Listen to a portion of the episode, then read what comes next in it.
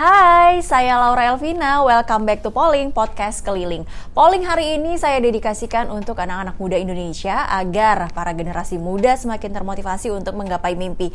Tapi saya mau tanya dulu nih, kira-kira kalian sudah punya rencana apa atau kalian sudah melakukan apa untuk membuat dunia yang kalian tinggali hari ini itu bisa menjadi lebih baik di masa depan? Tentunya itu harus dipersiapkan dari sekarang karena itu dia. Udah ngelakuin apa nih? Atau jangan-jangan anak-anak muda masih banyak yang bingung anak muda tuh bisa ngelakuin apa sih untuk menjadikan masa depan lebih baik? Banyak banget makanya polling hari ini saya akan ngajak ngobrol 5 anak-anak muda yang keren banget. Mereka itu adalah siswa-siswi dari Binus School Serpong yang baru aja menang di kompetisi Kiwi Challenge 2020 Kiwi Challenge itu apa sih? nanti kita jelasin ya. Jadi mereka ini di usia yang sangat muda mereka sudah berani untuk melangkah maju dan menciptakan satu ide bisnis yang berbasis sosial. Keren gak tuh? Oke, okay, sebelum kita ngobrol-ngobrol sama mereka, kita akan uh, ketahui dulu nama-namanya siapa aja sih. Nah, di sini saya sudah mengundang Jocelyn Rose Adiwinata, Axel Prita Aureli Atmojo, Aldrin Kurniawan, Fianka Elstri Hendrasto, Cut Felicia Zivaristin. Ini dia anak-anak muda dari Binus School Serpong yang nanti akan ngobrol sama saya dan uh, menceritakan pengalaman mereka ikut Kiwi Challenge dan sebenarnya project apa sih yang dibuat sama mereka. Nah, selain dengan mereka berlima, nanti saya juga akan ngobrol sama para juri dan juga mentor mereka di Kiwi Challenge uh, 2020. Yang pertama ada Dr. Ani Kartikasari, Director Unicenter for Social Business Lincoln University. Ibu Ani adalah juri di Kiwi Challenge 2020. Kemudian nanti ada Yulictus Korain, Student of Business Commerce in Marketing, Lincoln University. Dan Yulko adalah pemuda Papua yang kebetulan juga menjadi mentor dari tim Binus School Serpong ini. Nah, selain itu saya juga akan ngobrol sama teman-teman dari Kopi Tuli. Terima kasih teman-teman Kopi Tuli sudah bergabung hari ini. Yang pertama ada Mbak Putri Santoso yang merupakan co-founder dari Kopi Tuli dan Mbak Putri juga merupakan juri di Kiwi Challenge 2020 kemarin. Selain itu, ada dua co-founder lain dari Kopi Tuli, ada Mas Muhammad Adika Prakoso dan Mas Tri Erwin Syah Putra. Terima kasih teman-teman dari Kopi Tuli sudah bergabung. Oke, sebelum kita langsung ngobrol-ngobrol sama lima orang pemenang dari Binus School Serpong, kita akan dengarkan dulu speech yang akan disampaikan oleh Ambassador of New Zealand to Indonesia, Dr. Jonathan Austin. Kia ora koutou, selamat pagi, and welcome everyone. On behalf of the New Zealand Embassy in Indonesia, it's my absolute pleasure to welcome you all to today's Kiwi Challenge Grand Finale.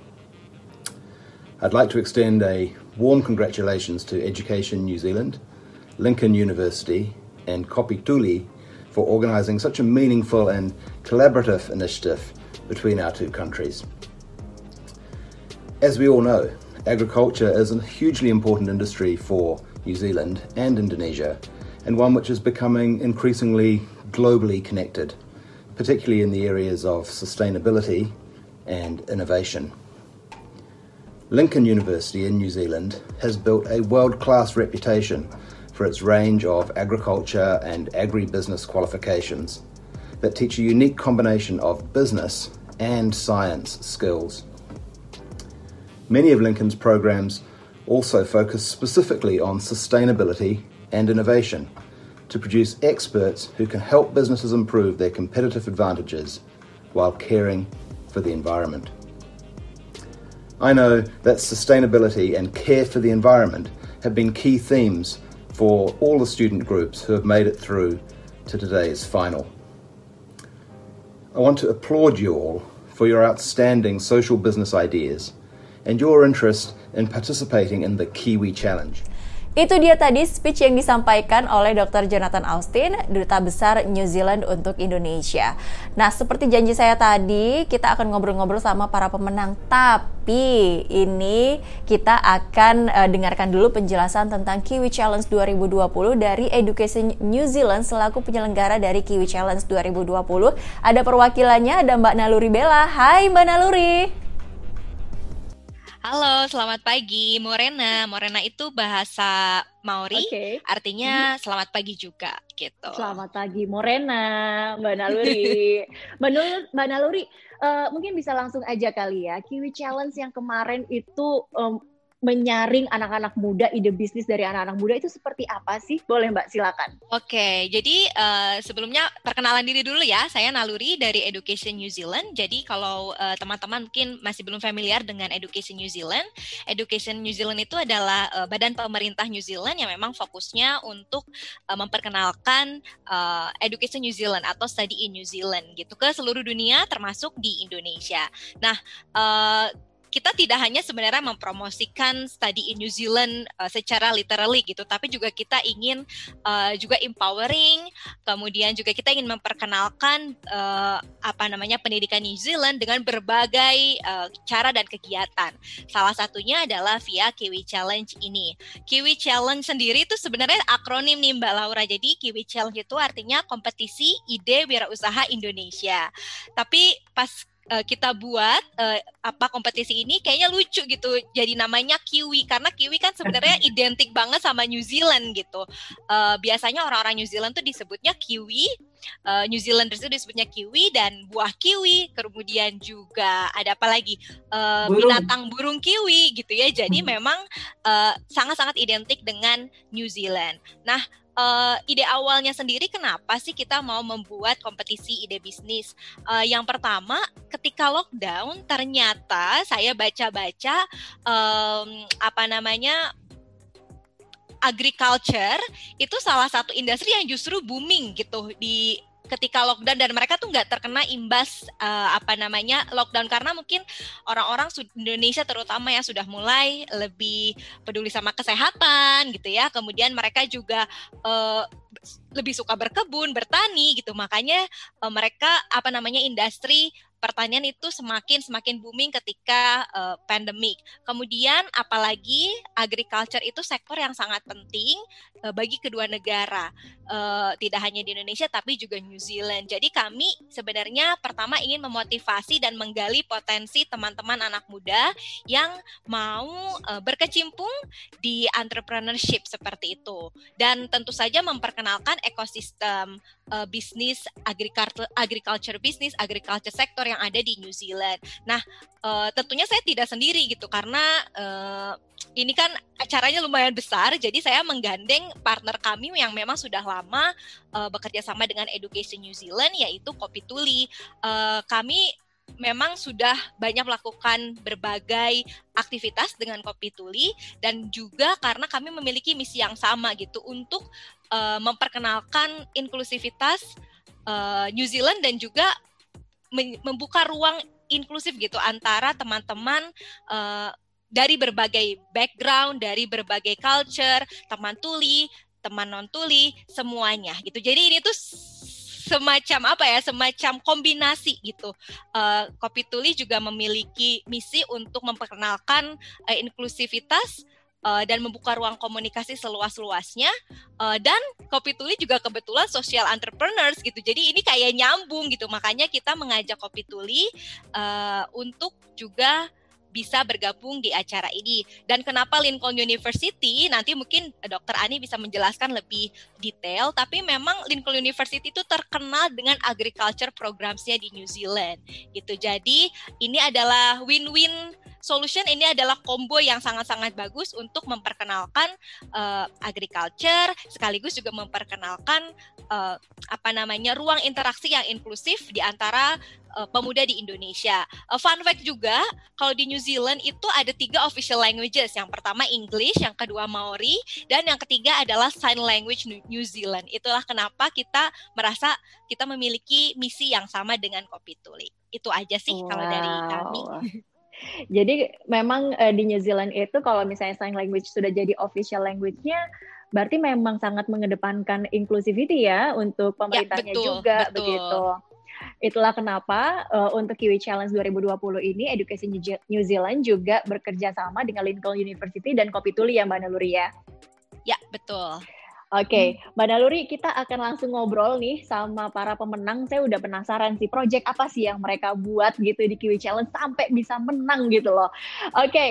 Jocelyn, saya akan sapa dulu Jocelyn, Axel, Aldrin, Bianca, dan Felicia. Siapa yang mau cerita duluan project apa yang kalian kerjakan, yang kalian buat saat mengikuti Kiwi Challenge 2020? Terima kasih, saya akan menjawab pertanyaan untuk yang kali ini. Silakan. Tim kami namanya Let's Sago. Nah, tim okay. kami ini berusaha menciptakan produk yang bisa menjadi solusi krisis pangan di Indonesia karena produksi beras diprediksi tidak akan cukup untuk semua masyarakat di Indonesia tahun-tahun yang akan datang. Nah, karena itu tim kami memiliki menciptakan menu makanan, minuman, dessert sehat, yang komersil menggunakan bahan dasar sagu yang dapat diterima oleh masyarakat Indonesia. Nah, kami berencana untuk menggunakan e-commerce juga untuk menjual menu instan. Nah, kami dengan packaging yang apa memiliki teknik packaging yang dapat dihangatkan secara otomatis, secara instan, hanya dengan menuang uh, air dengan temperatur ruangan jadi bisa dimakan di mana saja. Nah, di masa mendatang nanti kami juga akan ingin menjual makanan melalui food truck di Jakarta dan juga membuka restoran di Jayapura, di kota Jayapura di Papua. Terus di Jayapuranya nanti restoran kami ini akan membuka learning center yang akan memberikan kelas bahasa Inggris, matematika dan juga uh, mengajarkan kesenian Papua seperti uh, nari-nari, seperti cara memainkan instrumen uh, dan kelas-kelas ini juga gratis karena itulah kontribusi sosial kita sebagai uh, apresiasi untuk masyarakat di Papua. Oke, okay, nah ini kan kalian Binus School Serpong itu kan lima orang ya satu tim. Itu boleh diceritain nggak perannya masing-masing uh, per orang itu apa aja? Untuk saya, saya bagian untuk okay. mencari tentang marketingnya, tentang promosi sama tentang lokasi ingin yang untuk di apa? Untuk dipilih gitu untuk membuka stolnya sendiri. Hmm, yang lain? Sekarang uh, Felicia, role saya sendiri sih apa saja bisa karena sebenarnya kita nggak ada peran yang spesifik untuk untuk setiap apa setiap member jadi tapi saya juga berkontribusi berat untuk uh, editing video pada tahap sebelum final um, kalau saya Jocelyn uh, hmm. saya kebanyakan um, bikin gambar-gambarnya. Jadi semua gambar yang ada Let's Go itu sebenarnya kita gambar sendiri. Uh, ada clip art apa-apa semuanya dari kita bikinan kita sendiri. Karena kita mau benar-benar ini tuh presentasinya dari nol pu punya kita semua. Dan uh, saya juga bantu mengkontribusi ide-ide dan menulis skrip. Kalau uh, Fianka?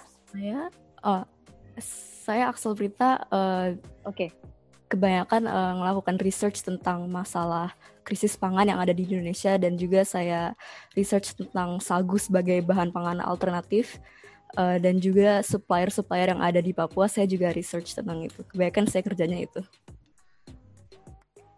Kalau aku, aku lebih mus ke financial ya. Aku ngitung-ngitungin apa reportnya, apa sales revenue dan profit-profitnya di Letsago ini. Nah, jadi memang uh, ketika kita punya satu ide bisnis itu kayaknya tuh memang harus bikin tim gitu ya. Jadi tidak hanya dipikir, dipikirkan sendiri, tapi juga teman-teman belajar untuk bagaimana membagi tugas begitu ya di dalam tim. Oke, Susah nggak sih teman-teman untuk ikut Kiwi Challenge 2020? Ceritain dong pengalamannya dari awal. Mungkin kalian ketemu kendala apa sih ketika harus uh, mencetuskan satu ide bisnis dan ini dilombakan begitu dan mengikuti kompetisi. Boleh nggak di-share? Uh, jadi awalnya guru-guru bisnis kami mengundang kami untuk mengikuti info sessionnya Kiwi Challenge 2020 ini. Uh, lalu kami mendaftar untuk join atas inisiatif kita sendiri uh, setelah daftar di BINUS ini ada seleksi internal uh, untuk memilih siapa saja murid yang bisa mengikuti Kiwi Challenge ini um, dari yang sudah mendaftarkan. Murid-murid yang terpilih semuanya memang berasal dari kelas-kelas berbeda. Di tim kami yang satu kelas hanya Fianka dan Aldrin uh, yang apa? Total sebenarnya kita ada tiga tim dari sekolah kita, uh, ber, masing-masing beranggota lima orang. uh, untuk babak penyisihan awal, kami harus membuat video yang uh, menjelaskan ide bisnis agrikultur sosial kami dengan durasi 3 menit saja. Uh, jujur saja, kami semua kaget ketika video kami masuk babak final. Uh, dua tim lain mengumpulkan video tepat waktu seperti yang diminta Miss Andina. Uh, tapi kami sendiri sempat melembur dan mengerjakan video itu sampai jam 11 malam dan mengumpulkannya mepet banget dengan deadline uh, dan kami bersyukur banget uh, dapat masuk babak final saat itu. Uh, mulai saat itu kami benar-benar memberikan 100% energi dan benar-benar uh, memberikan waktu kami untuk survei, brainstorming, mengerjakan desain, presentasi, dan kami latihan presentasi mungkin sampai 10 kali lebih ada dan mengedit-edit. yeah, yeah, yeah. Presentasi apa kami sampai lebih dari 20 menit sebenarnya. Uh, padahal seharusnya 10 menit dan kita potong-potong terus sampai akhirnya tidak melebihi durasi 10 menit yang sudah diberikan. Ya, walaupun harus lembur tapi usaha tidak akan mengkhianati hasil ya. Juara satu loh. Oke, saya ke Ibu Ani. Bu Ani, boleh minta tanggapannya dulu nih Bu. Dengan um, kemarin ada enam finalis ya, enam finalis. Eh, kemudian uh, teman-teman dari Binus School Serpong ini akhirnya keluar menjadi juara satu. Gimana Bu ngelihat anak-anak Indonesia, anak-anak muda Indonesia sekarang itu sudah berani gitu loh untuk maju menciptakan satu ide bisnis, apalagi saat ini berbasis sosial yang dilombakan di Kiwi Challenge.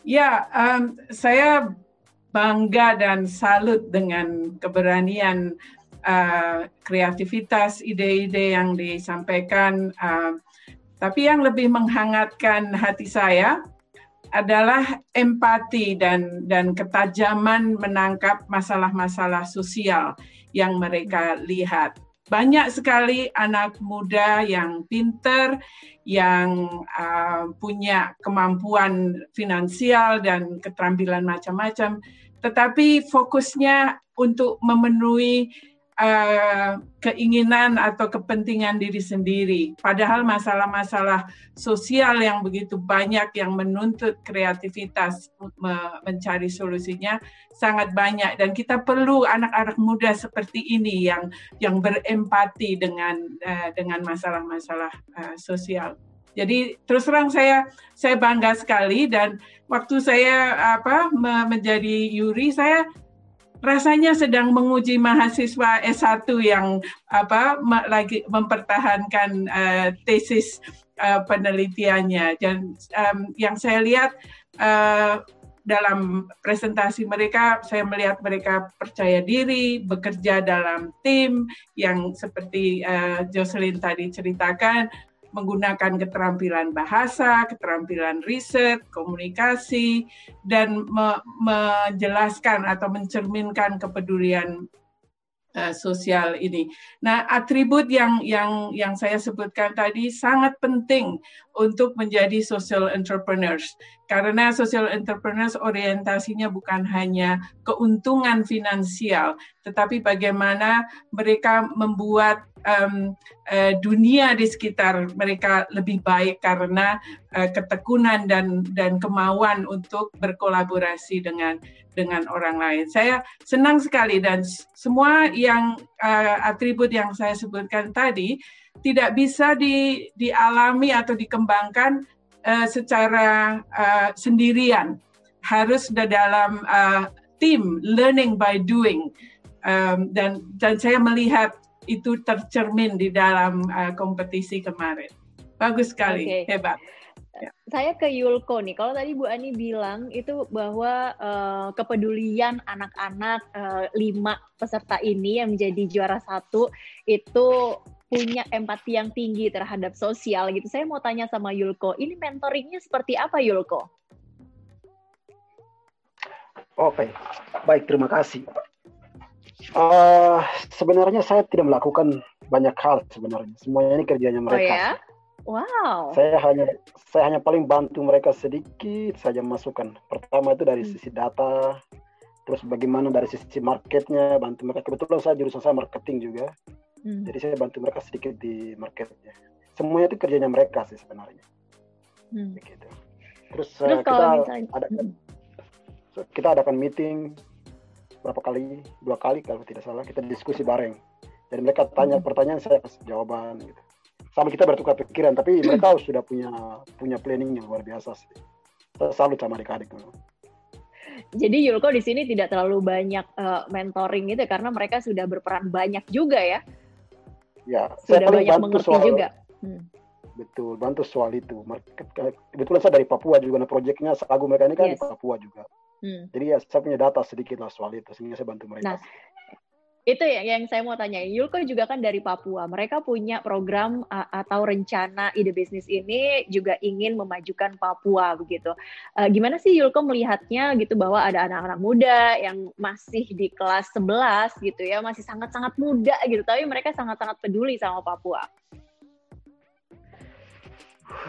Pertama sih, saya ceritakan pertama pengalaman saya sih ketika yeah. mereka diminta, saya diminta oleh Ibu Ani sebagai mentor untuk proyek ini. Awalnya saya nolak ya. Pertama saya nolak.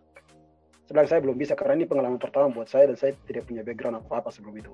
Hmm. Punya pengalaman untuk menjadi mentor di uh, social enterprise. Tapi pas ketika saya dikirimkan uh, tema ide bisnisnya mereka langsung oke. Okay, saya pas lihat Sago lihat Sago terus nonton video yang mereka share. Lalu saya tertarik begitu. Oke okay lah kalau begitu saya bersedia mendamping mereka. Jadi sebelum di ini saya langsung sudah tentukan saya bersedia dampingi tim ini. Karena saya yakin proyek mereka bikin ini sama dengan proyeknya saya sekarang lagi kerjain juga. Saya punya data-data dan semuanya sudah kita sudah mau bangun cuma belum belum belum jadi. Jadi pas kemarin ketemu sama adik-adik mereka, hmm. saya rasa mereka lebih memperdalam saya punya ide.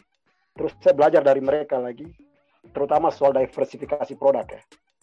Hmm. Terus kedua tentang sisi sosial dari eh, bisnis ide bisnis mereka itu. Soal kemarin mereka rencanakan untuk didirikan ada course bahasa Inggrisnya, ada course matematikanya saat di tempat bisnisnya mereka. Dan itu satu sesuatu, sesuatu yang berguna sekali. Dan itu bermanfaat untuk Papua. Itu yang dibutuhkan. Karena sekarang ini orang-orang di Papua ini kan bisnisnya tuh orientasinya profit bukan sosial. Betul. It's a different things. Jadi masih pada profit orientasi bukan pada sosial. Beda sama orang-orang di luar negeri. Di New Zealand ini orang lebih menyadari pada kondisi situasi lingkungan isu sosial. Hmm. begitu. Jadi saya okay, itu nanti terima kasih sekali Wah, keren keren guys. Uh, tadinya awalnya Yulko tidak mau, tapi akhirnya Yulko menerima karena kalian ternyata punya empati yang tinggi atau uh, punya kepedulian yang tinggi terhadap kondisi sosial di Papua juga begitu. Oke, okay, saya kembali ke Ibu Ani. Ibu Ani sebenarnya masa depan seperti apa sih yang kita harapkan dengan hadirnya semakin banyaknya gitu ya hadirnya uh, bisnis-bisnis dengan berbasis sosial, Bu Ani? Jawaban saya singkat, singkatnya begini uh, saya lihat potensi untuk bisnis sosial ini sangat besar.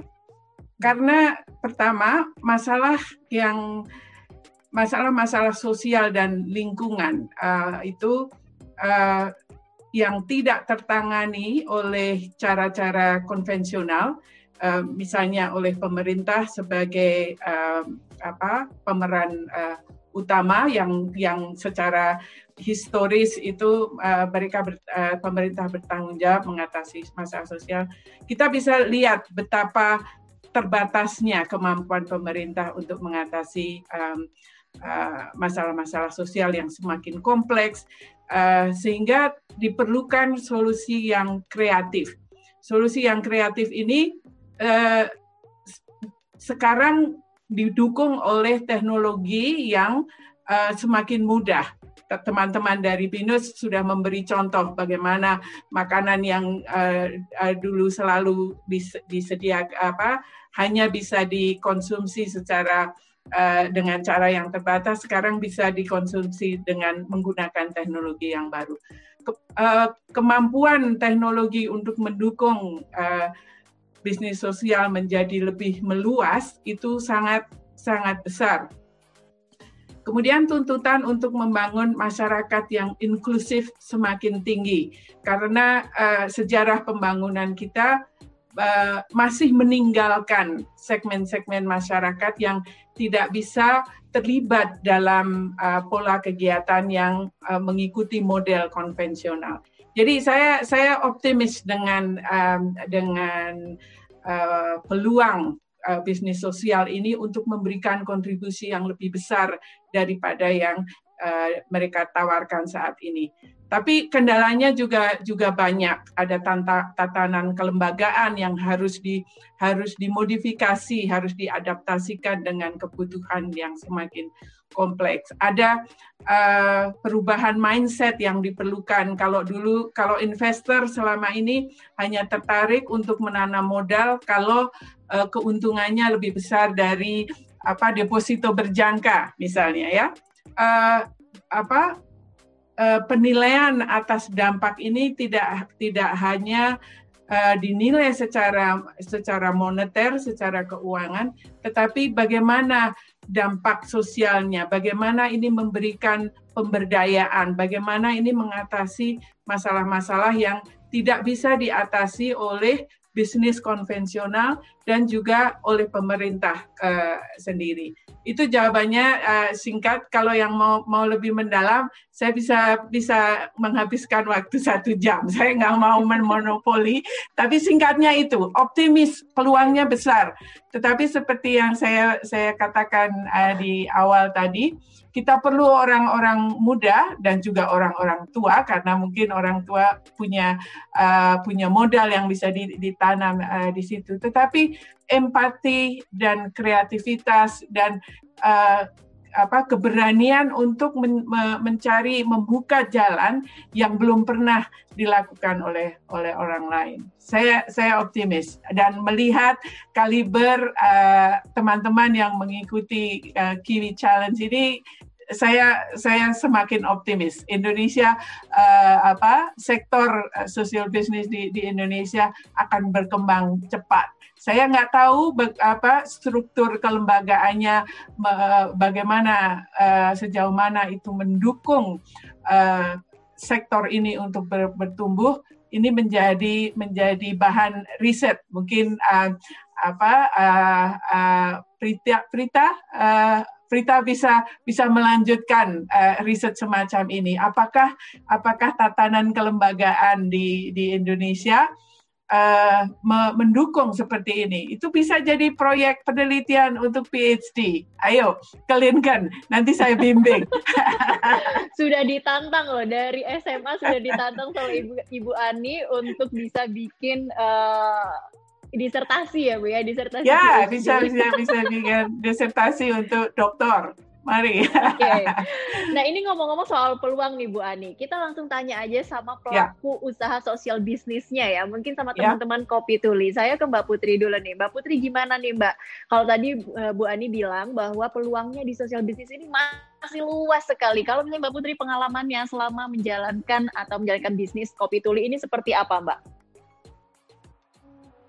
Pengalamanku ketika menjalankan bisnis sosial adalah Bisnis sosial merupakan hal yang sangat penting. Dari Kopi Tuli sendiri, sosial sangat penting bagi kami. Koptu lahir karena teman Tuli mempunyai masalah. Sulit mendapatkan pekerjaan karena hambatan komunikasi.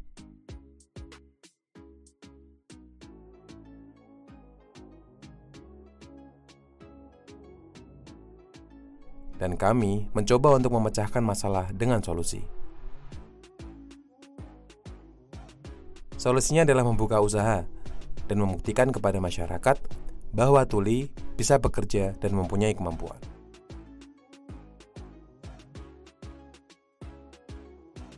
Oke, uh, Mbak Putri kalau begitu saya ingin minta tanggapannya dulu dari Mbak Putri juga. Um, apa pandangan Mbak Putri dengan adanya Kiwi Challenge 2020 ini yang juga mengedepankan prinsip inclusivity? Ini merupakan sesuatu yang berbeda, karena konsep benar-benar melibatkan teman tuli sebagai juri.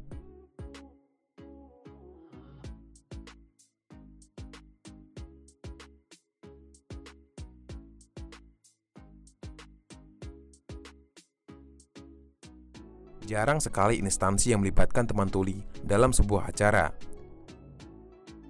Seperti Kiwi Challenge 2020. Dengan menjadikan teman tuli sebagai juri, kami bisa memberikan pandangan lain serta memberikan input positif dan semangat.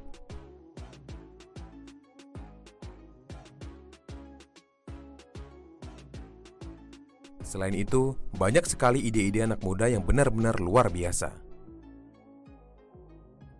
Sayang juga jika ide-ide bagus tidak bisa dituangkan. Maka kami membuat kompetisi Kiwi Challenge 2020.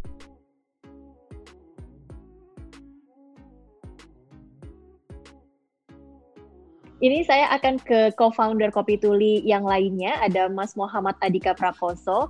Saya ingin tanya bahwa Kopi Tuli ini kan sebenarnya diinisiasi oleh teman-teman Tuli ya. Nah, saya ingin tanya apakah uh, bisnis yang berbasis inklusivitas, uh, yang uh, sosial bisnis, apalagi mungkin kalau misalnya kita spesifik kepada bisnis kopi tuli kan memang diinisiasi oleh teman-teman tuli, apakah bisnis yang mengedepankan inclusivity itu hanya bisa dijalankan oleh teman-teman uh, yang punya keterbatasan gitu? Bagaimana teman-teman tuli bisa uh, apa ya seperti memberikan kesadaran kepada semua masyarakat khususnya di Indonesia itu bisa kok semua orang bisa menjalankan bisnis sosial tanpa harus memiliki keterbatasan terlebih dahulu. Kia ora, selamat pagi semuanya. Perkenalkan nama saya Adika. Sebenarnya bisnis sosial bisa untuk umum, untuk disabilitas maupun non-disabilitas juga bisa. Saat ini, bisnis sosial yang dibuat oleh teman-teman disabilitas masih minim karena kurangnya dukungan dari lingkungan mereka. Padahal kemampuan mereka sangat luar biasa. Bisnis sosial yang dilakukan teman non-disabilitas saat ini sudah mulai maju, tapi masih belum inklusif karena mereka masih belum memahami disabilitas secara mendalam. Oke, saya ke Mas Tri Erwin Syahputra nih. Uh, Mas Erwin bisa diceritakan, Kopi Tuli ini kan selain juga berbasis sosial dengan uh, mengajak teman-teman Tuli untuk bergabung dalam bisnisnya, tapi juga ikut memajukan komoditas kopi kan. Sebenarnya kenapa kopi ya Mas yang dipilih?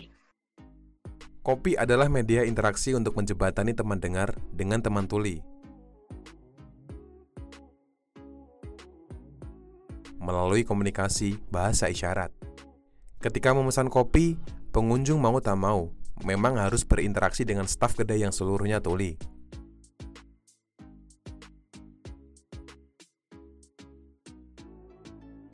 Mereka terbiasa membaca gerak bibir lawan bicara dan sanggup menanggapi secara lisan juga.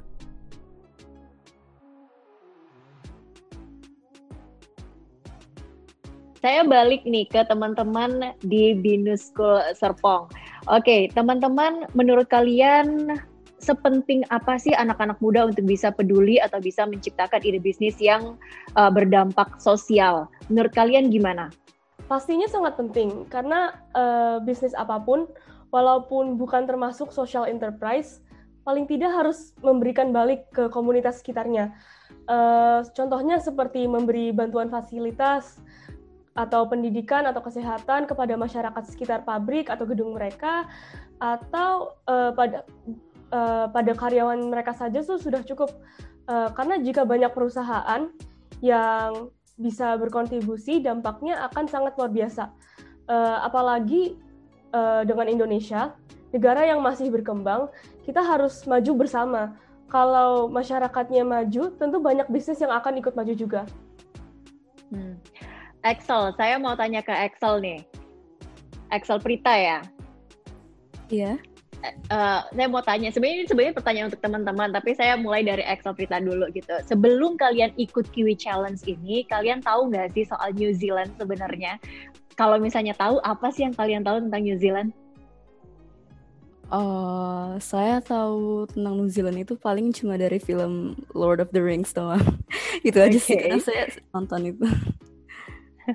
Kalau teman-teman yang lain sebenarnya tahu nggak uh, tentang New Zealand sebelum ikut kompetisi Kiwi Challenge ini?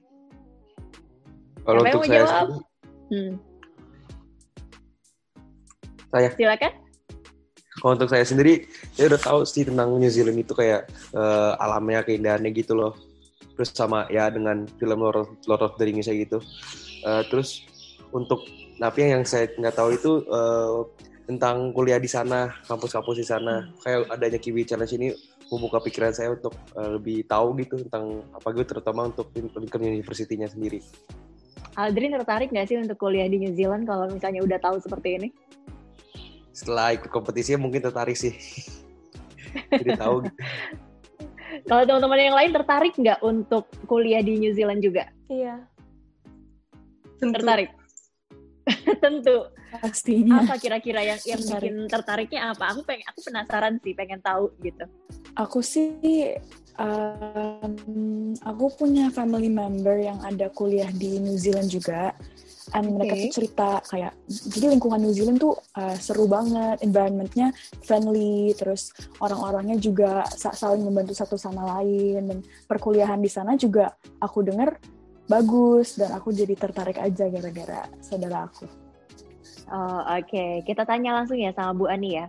Bu Ani, uh, perbedaannya atau mungkin kelebihannya yang mungkin tidak dimiliki oleh Indonesia begitu ya untuk kuliah di New Zealand atau mungkin uh, spesifik di tempat Ibu Ani mengajar saat ini itu apa Bu? Sebenarnya mungkin salah satu, satu hal yang yang sangat saya rasakan uh, karena uh, saya kuliah S1 di di Indonesia sekolah di di Indonesia ya. Uh, tapi yang saya, saya lihat waktu anak-anak saya uh, sekolah, saya saya mengambil program S3 sudah umur 40 tahun, punya anak dua, uh, anak-anaknya uh, sekolah sekolah SD.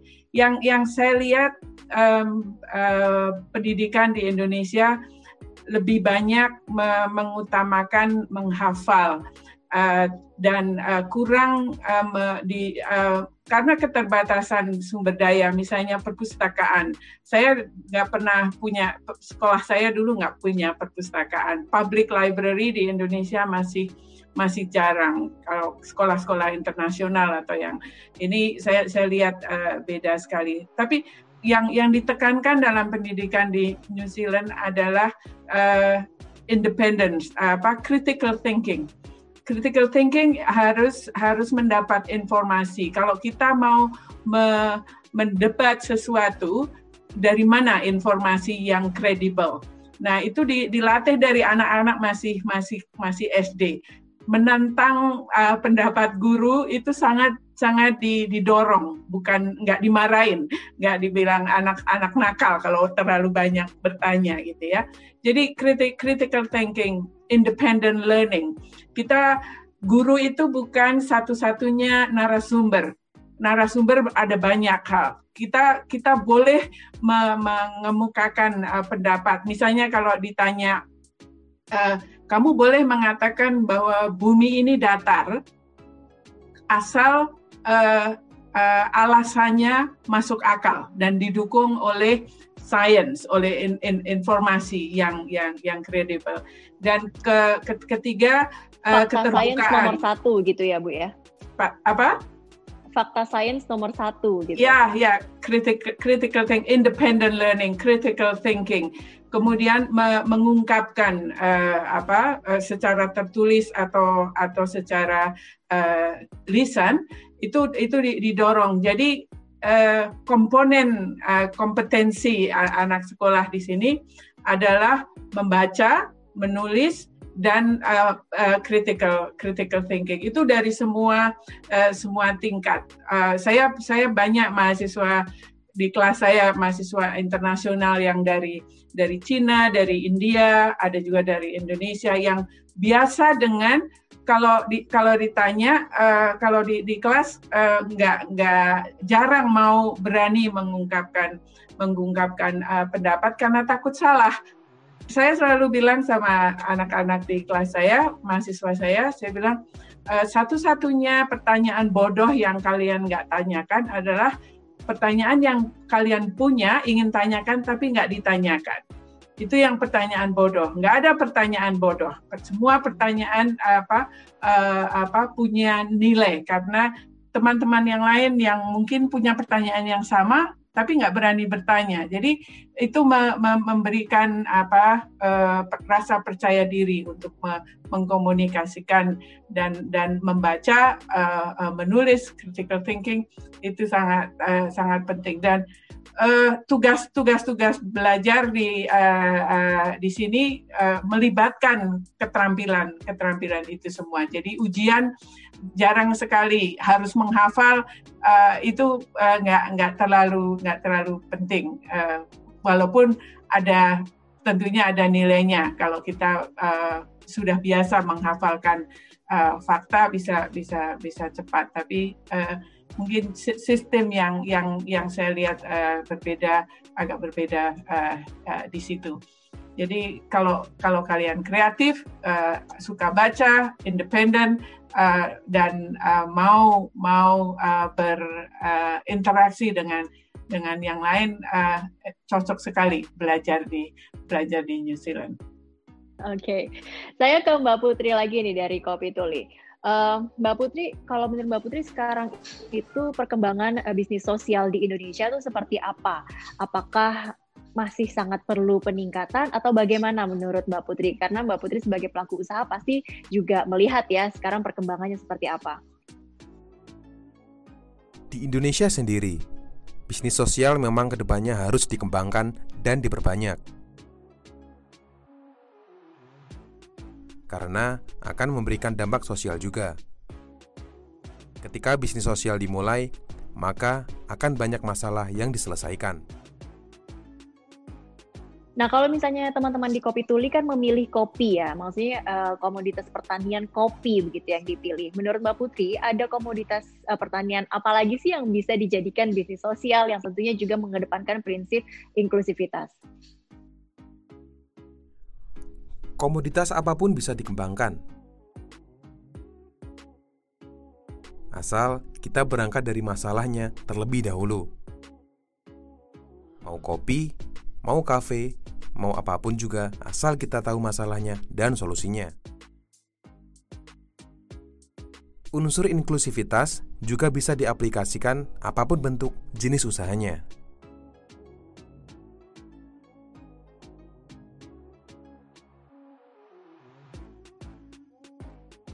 Saya ingin bertanya ke teman-teman dari Binus School Serpong untuk yang terakhir. Setelah kalian memenangkan Kiwi Challenge 2020 dengan Let's Sago, what's next?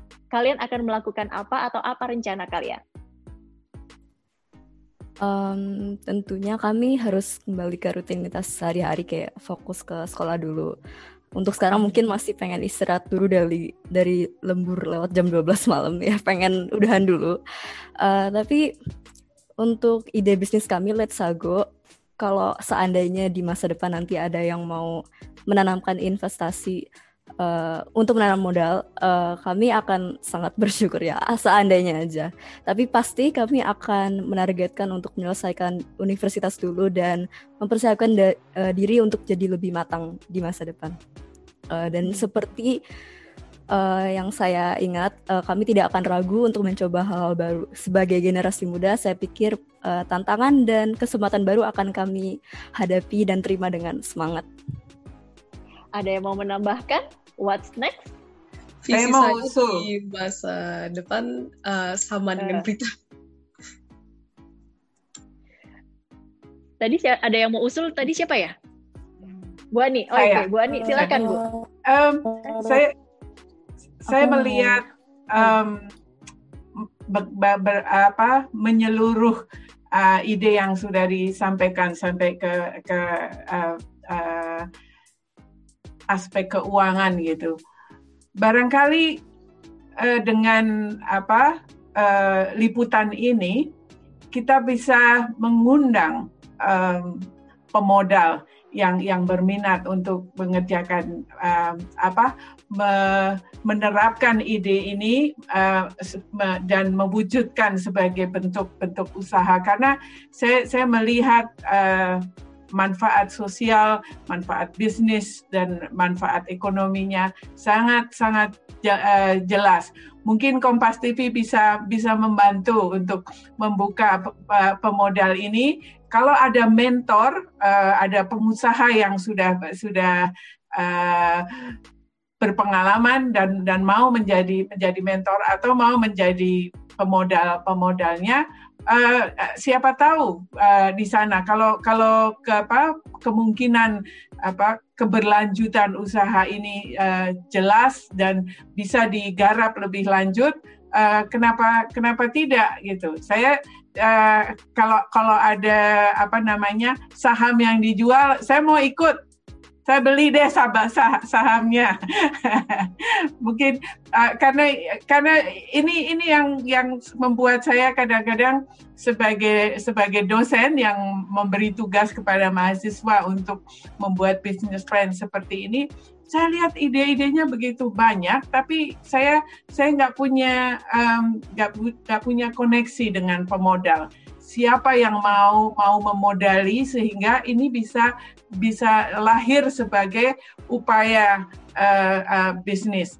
Saya saya melihat dokumentari yang di, dibuat oleh Kopi Tuli uh, perjalanannya um, seperti itu dan kita bisa bisa bisa melihat pihak-pihak mana yang bisa kita rangkul sehingga ide yang bagus ini bisa me melahirkan dan mem memberikan dampak yang begitu uh, uh, bervariasi uh, untuk um, untuk di, diwujudkan dalam bentuk uh, usaha social business.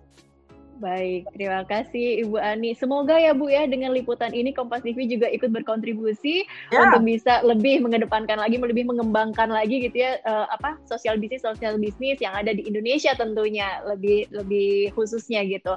Dan mungkin kalau misalnya kita belajar dari teman-teman di Kopi Tuli, teman-teman di Kopi Tuli saja bisa, harusnya memang bisa begitu ya. ya. Jadi ya. tidak ada sebenarnya tidak ada alasan untuk tidak bisa uh, sosial bisnis ini untuk bisa hidup dan berkembang di Indonesia.